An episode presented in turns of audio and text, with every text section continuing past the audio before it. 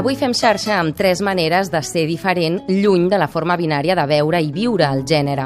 Anirem a Mèxic, al Pakistan i a Cap Verd.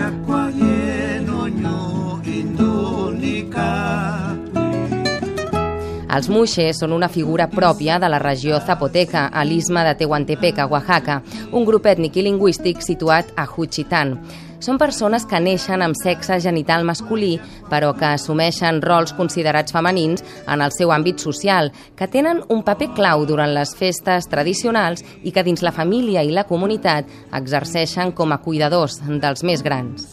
Héctor Salinas és coordinador del programa d'estudis en dissidència sexual de la Universitat Autònoma de la Ciutat de Mèxic. Los mushes hacen un papel importante, por ejemplo, para cuidar a los enfermos, para cuidar a los viejos y algo que es interesante es que desde niños se les prepara para tal.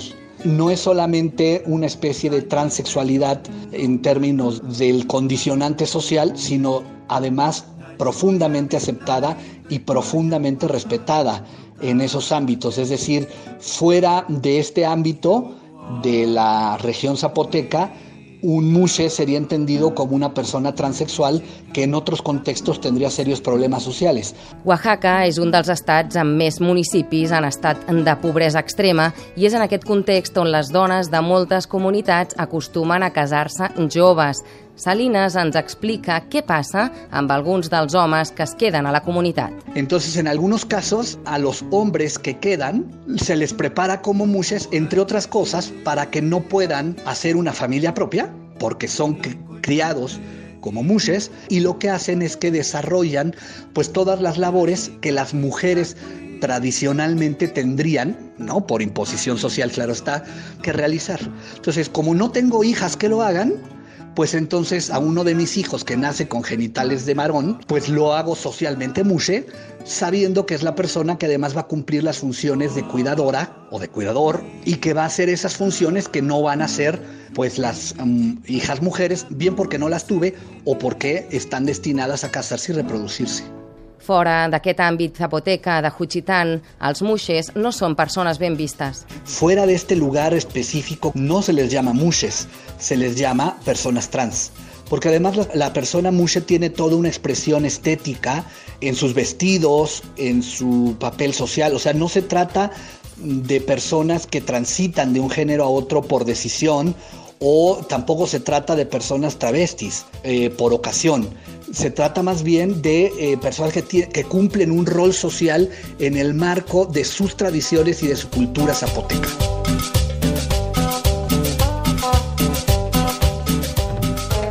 Fuera de esto, estaríamos hablando de personas travestis, transgénero o transexuales, que, como sabrás, bueno, existen diferencias entre las tres definiciones, pero que en general, pues no son bien vistas en otras ciudades, por ejemplo, incluso ni siquiera en la Ciudad de México, donde tenemos pues legislación, políticas públicas e instituciones que salvaguardan los derechos de la diversidad sexual i de la diversitat en l'expressió de gènere.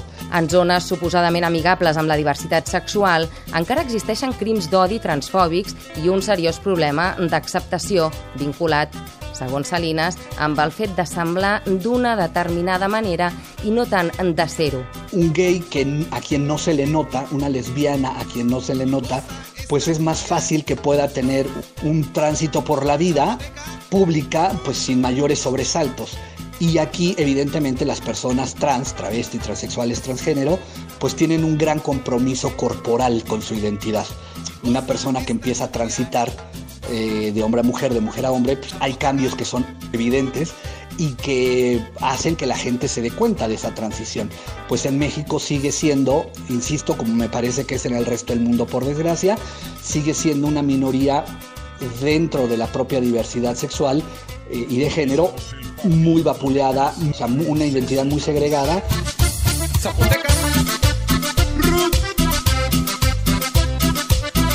Ya no hablemos de derechos sexuales o reproductivos. En muchos lugares de nuestro país incluso hay problemas de acceso a derechos tan elementales como la educación, la salud e incluso el nombre propio.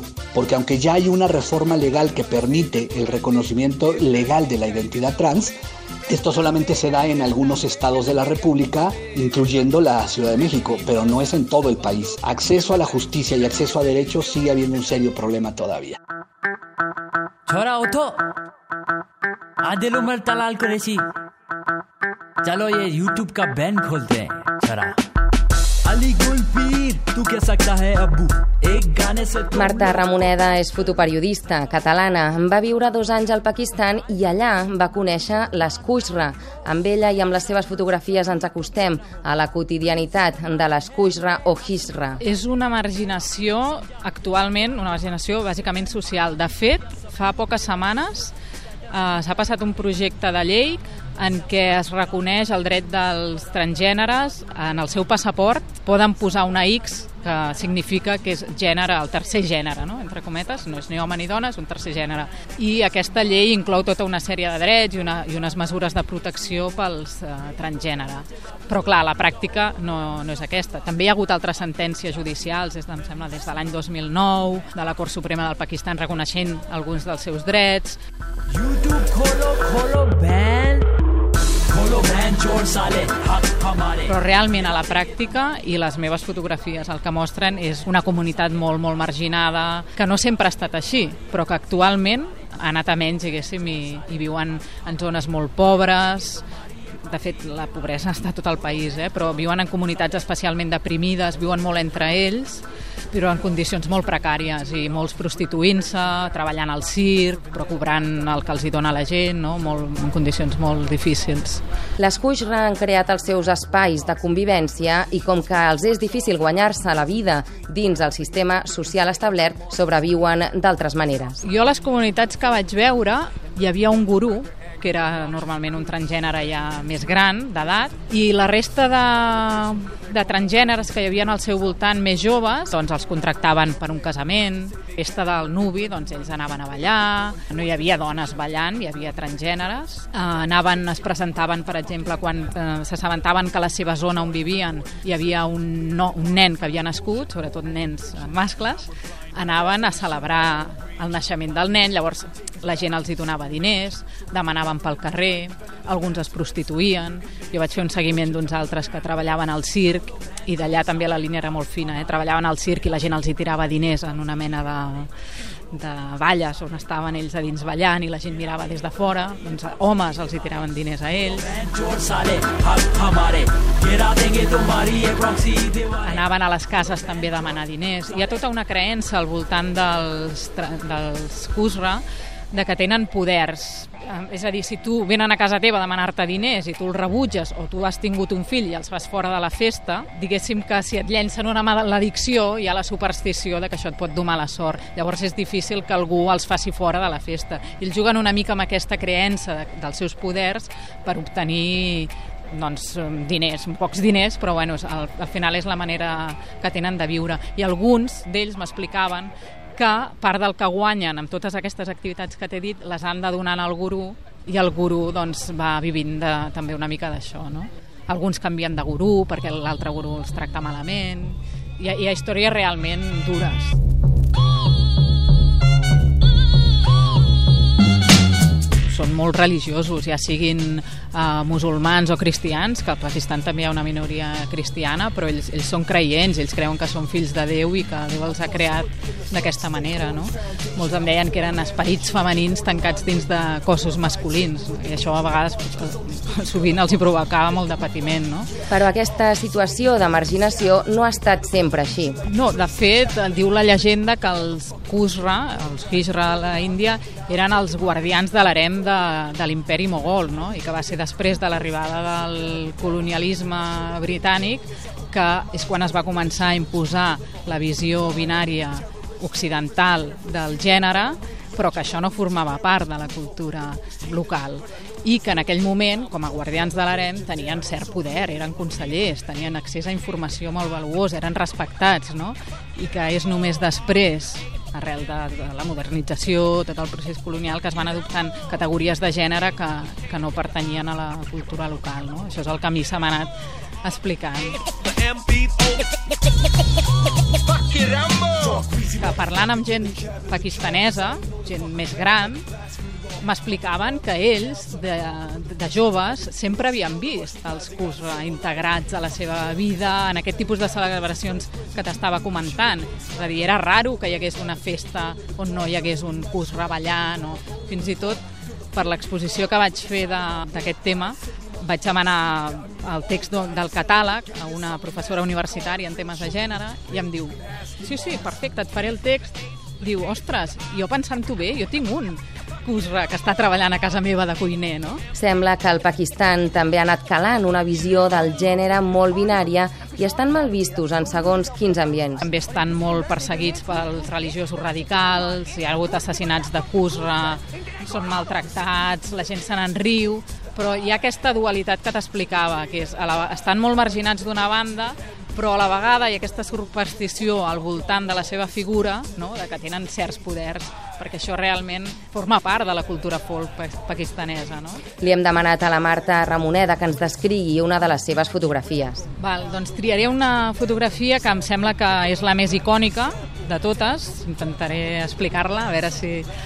És una foto en què es veu en un primer pla un, un dels transgèneres al circ s'està transformant, s'està maquillant eh, i s'està mirant al mirall eh, mentre s'està maquillant.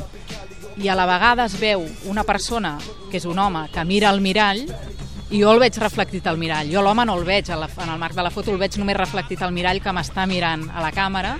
Llavors veig el, el Kusra maquillant-se i transformant-se i mirant-se al mirall, i el que a mi em reflecteix al mirall és un home que estan, estava al voltant dels transgènere. No? Llavors, per mi això és molt icònic perquè està representant aquesta dualitat de jo m'estic transformant en dona, però el que em diu al mirall és que sóc un home, no? I, i també com es veu cadascú, no? Però, en tot cas, representa aquesta dualitat femení-masculí en una mateixa persona.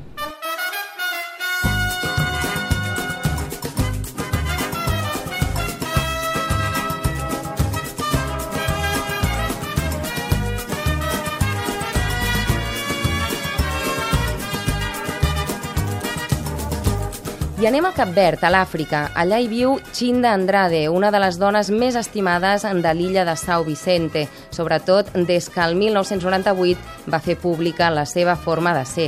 El seu nom s'ha convertit des d'aleshores en la manera com s'anomenen els gais i les lesbianes i les trans de l'illa. Ara té 35 anys i quan arriba al Carnaval ho dona tot per sortir a desfilar amb el seu blog. Marc Serena i Pablo García són els autors del documental Chindas. Serena ens explica la situació dels trans al continent. Encara hi ha una centena de països del món que persegueixen a les persones en base a la seva orientació sexual o identitat de gènere.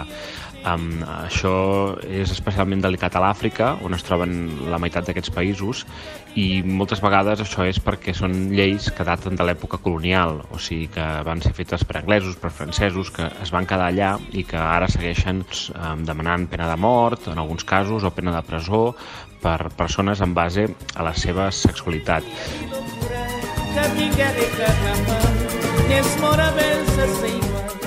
Els judicis que se solen fer en tots aquests països solen ser fraudulents, solen ser basats en suposicions, en prejudicis, solen ser aleatoris, arbitraris, hi ha tortures policials, hi ha tot tipus d'abusos i normalment qui sol patir més aquesta, aquesta, aquesta violència, aquestes agressions, aquestes penes de presó, al final acaben sent les persones pobres i també les persones més visibles o les persones que d'alguna manera s'afirmen públicament. No? loucura que tinc guerra i carnaval n'és morabesa ser igual.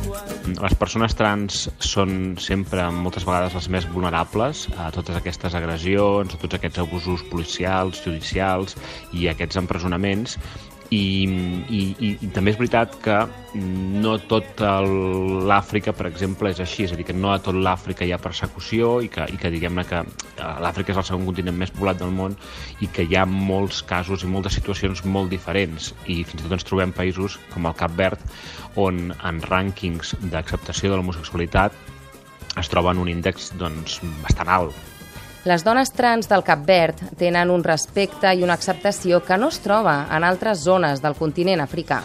No vol dir que la seva situació sigui idíl·lica perquè segueixen haver-hi um, homofòbia, segueix havent transfòbia, no poden uh, canviar-se de sexe, no poden tenir una atenció sanitària um, uh, que sigui adaptada amb elles, o sigui, hi ha encara molts reptes al Cap Verd, com també hi ha al nostre país, d'altra banda, però sí que és veritat que la situació del Cap Verd és com molt, molt especial i, i, i com un referent, no?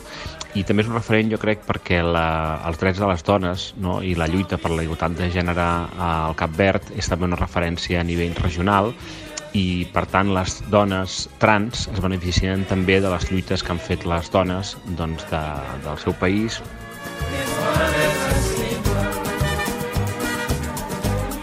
Nosaltres a, a la pel·lícula Xinders ensenyem una cosa una mica excepcional, que és que les famílies deixen cada tarda les seves criatures amb una dona trans doncs, per passar la tarda, per ballar, per fer un taller, per, per aprendre, i que això normalment no sol ser així, és a dir, les persones trans moltes vegades són excloses de la vida social, de les feines, mm, de, dels llocs on viuen i que per tant mm, moltes vegades no se'ls hi deixa, per exemple, ni fer una feina com podria ser de canguro o de monitora, d'esplai de, o, o d'un taller de tarda, no? i per tant ens agradava molt ensenyar això.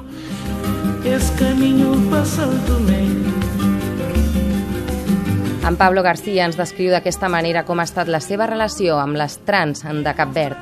La veritat és que més, de, més que parlar de persones trans, mm, jo parlaria de, de persones i parlaria de les persones que vaig conèixer al rodatge de Xindes, al Cap Verd. Parlaria de la Xinda, de l'Elvis, de la Dinya, de la Nita, de persones que només ha arribat en el Mar Serena com a mi ens van obrir les portes de casa seva. Uh, persones que, que des del principi van veure, per exemple, que la Xinda era una líder de la seva comunitat, que era una persona superestimada per, per, la, per la gent del barri. Uh, per exemple, hi ha una escena a la pel·lícula de Xindes on una noia molt joveneta que acaba de tenir un fill, a qui li demana consell per l'alletament i per la criança és a la Xinda i després van veure com la Xinda lluitava per aconseguir finançament per poder fer la rua del Carnaval i lluitava no únicament a nivell, diguéssim, personal, sinó que lluitava perquè pensava que tant els nens com els adolescents necessitaven tenir experiències vitals on eh, la felicitat, diguéssim, estigués molt present i on eh, el ball i el cant estiguessin allà i, i hem de pensar que la comunitat i el barri on viu la Xinda és un barri molt humil. Si vos escrever, molt escrever, si vos esquecer, molt esquecer, até dia que vou voltar. La seva lluita és per millorar el barri, per millorar uh, la, la qualitat de vida de, de les persones que conviuen amb ella. I, i això ho, ho veuen molt clar tot, totes les persones del voltant és a dir, que la Xinda eh, és un referent, és, és una persona on la gent eh, es, es mira i és una persona molt sàvia que dona consell i que ajuda, diguéssim, a la seva comunitat. I això a mi em va, em va marcar, però no em va marcar perquè fos transexual, la Xinda, sinó em va marcar perquè és una persona amb molta força i amb molta vitalitat i amb una sensibilitat impressionant. Podreu tornar a veure la pel·lícula Xindes a Catalunya aquesta mateixa setmana. I ara, el 27 de juny, es projectarà amb un cicle que es diu Cinema de Fresca, Cinema de Lluites, a l'Àgora Juan Andrés Benítez, a les 9 de la nit, està molt a, molt a prop del metro paral·lel, i en qualsevol cas per tenir una informació d'on es va projectant la pel·lícula pues, el millor és entrar a la pàgina web de Xindes que és xindes.com i també es pot veure la pel·lícula a filmin.cat. I fins aquí aquesta xarxa amb les diferents formes de ser. Saudade, saudade, minha terra,